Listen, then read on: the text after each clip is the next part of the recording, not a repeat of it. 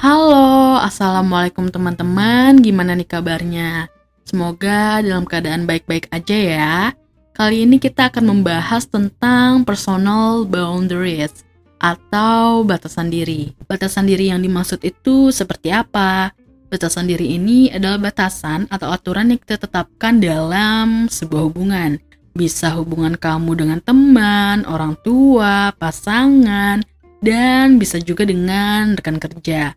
Kalau misalnya kamu mau tahu nih batasan diri yang sehat dan yang kurang sehat seperti apa, aku udah bahas di feed Instagram yang judulnya Batasan Antara Kamu dan Mereka. Nah, batasan diri ini penting untuk membangun identitas diri dan tentunya baik untuk kesehatan mental kamu. Terus, contoh batasan diri itu di keseharian seperti apa? Jadi, ada tiga bentuk batasan diri yaitu batasan materi, batasan fisik, dan juga batasan intelektual.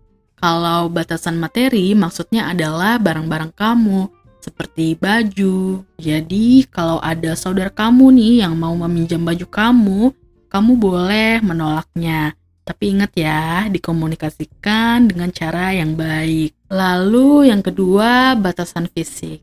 Ini menyangkut kepada tubuh kamu. Jadi, kamu bisa menentukan apakah orang lain boleh menyentuh kamu atau enggak, seperti menggenggam tangan kamu atau memeluk kamu, gitu ya. Terus, yang ketiga adalah batasan intelektual. Ini berkaitan dengan pemikiran, pendapat kamu. Jadi, kalau kamu misalnya lagi ngobrol nih sama teman, terus kalian saling berbeda pendapat, Daripada hal tersebut membuat pertemanan kalian berakhir buruk, ada baiknya kalian saling menghargai pendapat satu sama lain. Gitu. Nah, tentunya kan kita ingin memiliki batasan diri yang sehat ya. Nah, gimana sih cara membangunnya? Ada empat cara mudah untuk membangun batasan diri yang sehat. Yang pertama, hargai perasaan kamu.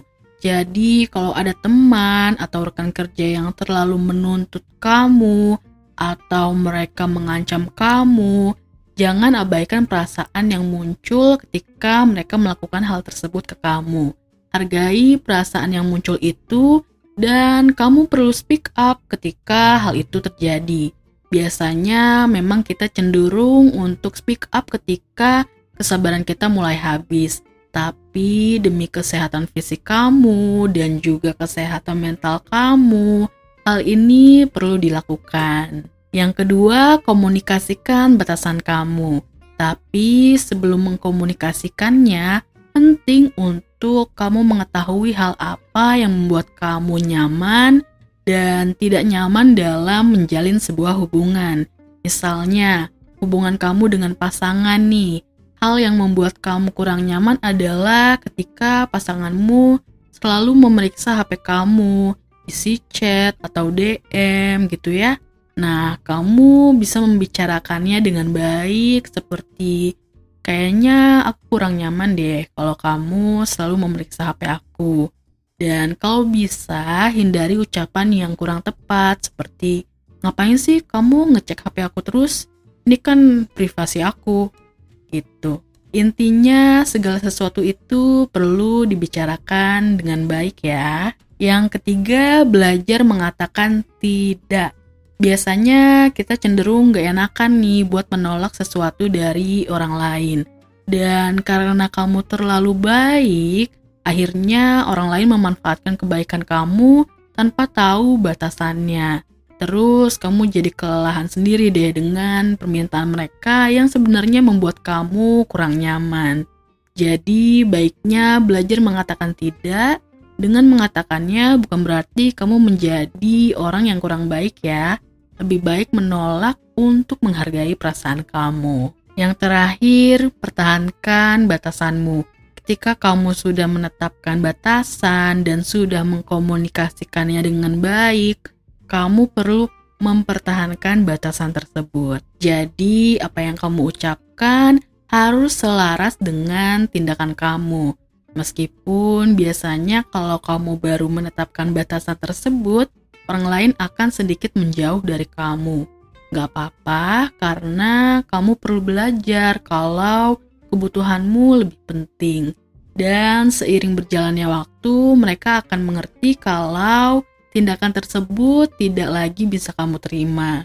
Karena dengan memiliki batasan ini, tanda kalau kamu peduli dengan dirimu sendiri, gitu. Jadi, itu tadi empat cara mudah membangun batasan diri. Hargai perasaanmu, komunikasikan batasanmu, belajar mengatakan tidak, dan pertahankan batasanmu. Semoga kamu diberi kemudahan ya untuk melakukannya. Oke, karena sudah cukup panjang nih bahasannya, kita sudahi dulu ya sampai di sini. Insya Allah kita akan ngobrol lagi di episode berikutnya. Bye, wassalamualaikum.